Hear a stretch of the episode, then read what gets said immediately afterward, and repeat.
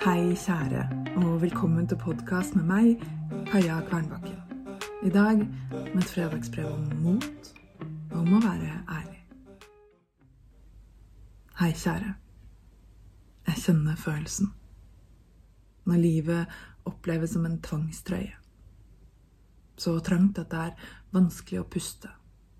Vanskelig å tenke. Og den eneste måten det virker som om du kan få den av på, av å brenne alt.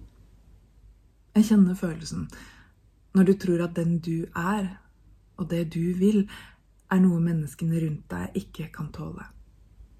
Når du har jobbet så hardt for å gjøre andre til laks at du ikke har våget å være ærlig om hvem du egentlig er. Selv ikke for deg selv.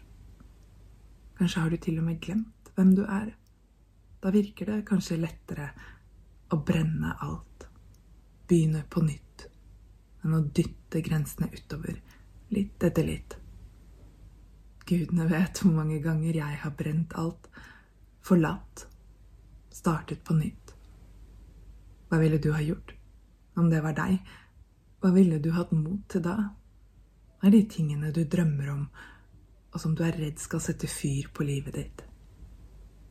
Kanskje trenger du ikke å brenne alt.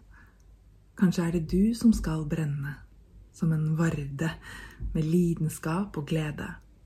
Lyse opp i mørket, så andre også kan finne sin vei.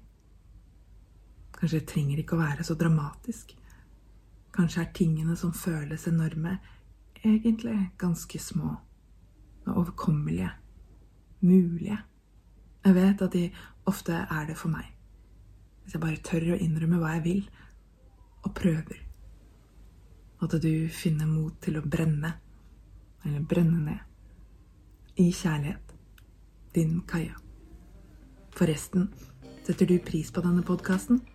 Gi den fem stjerner der du lytter til podkast, og del den med andre du tror vil sette pris på den. Det setter jeg pris på. Vi høres.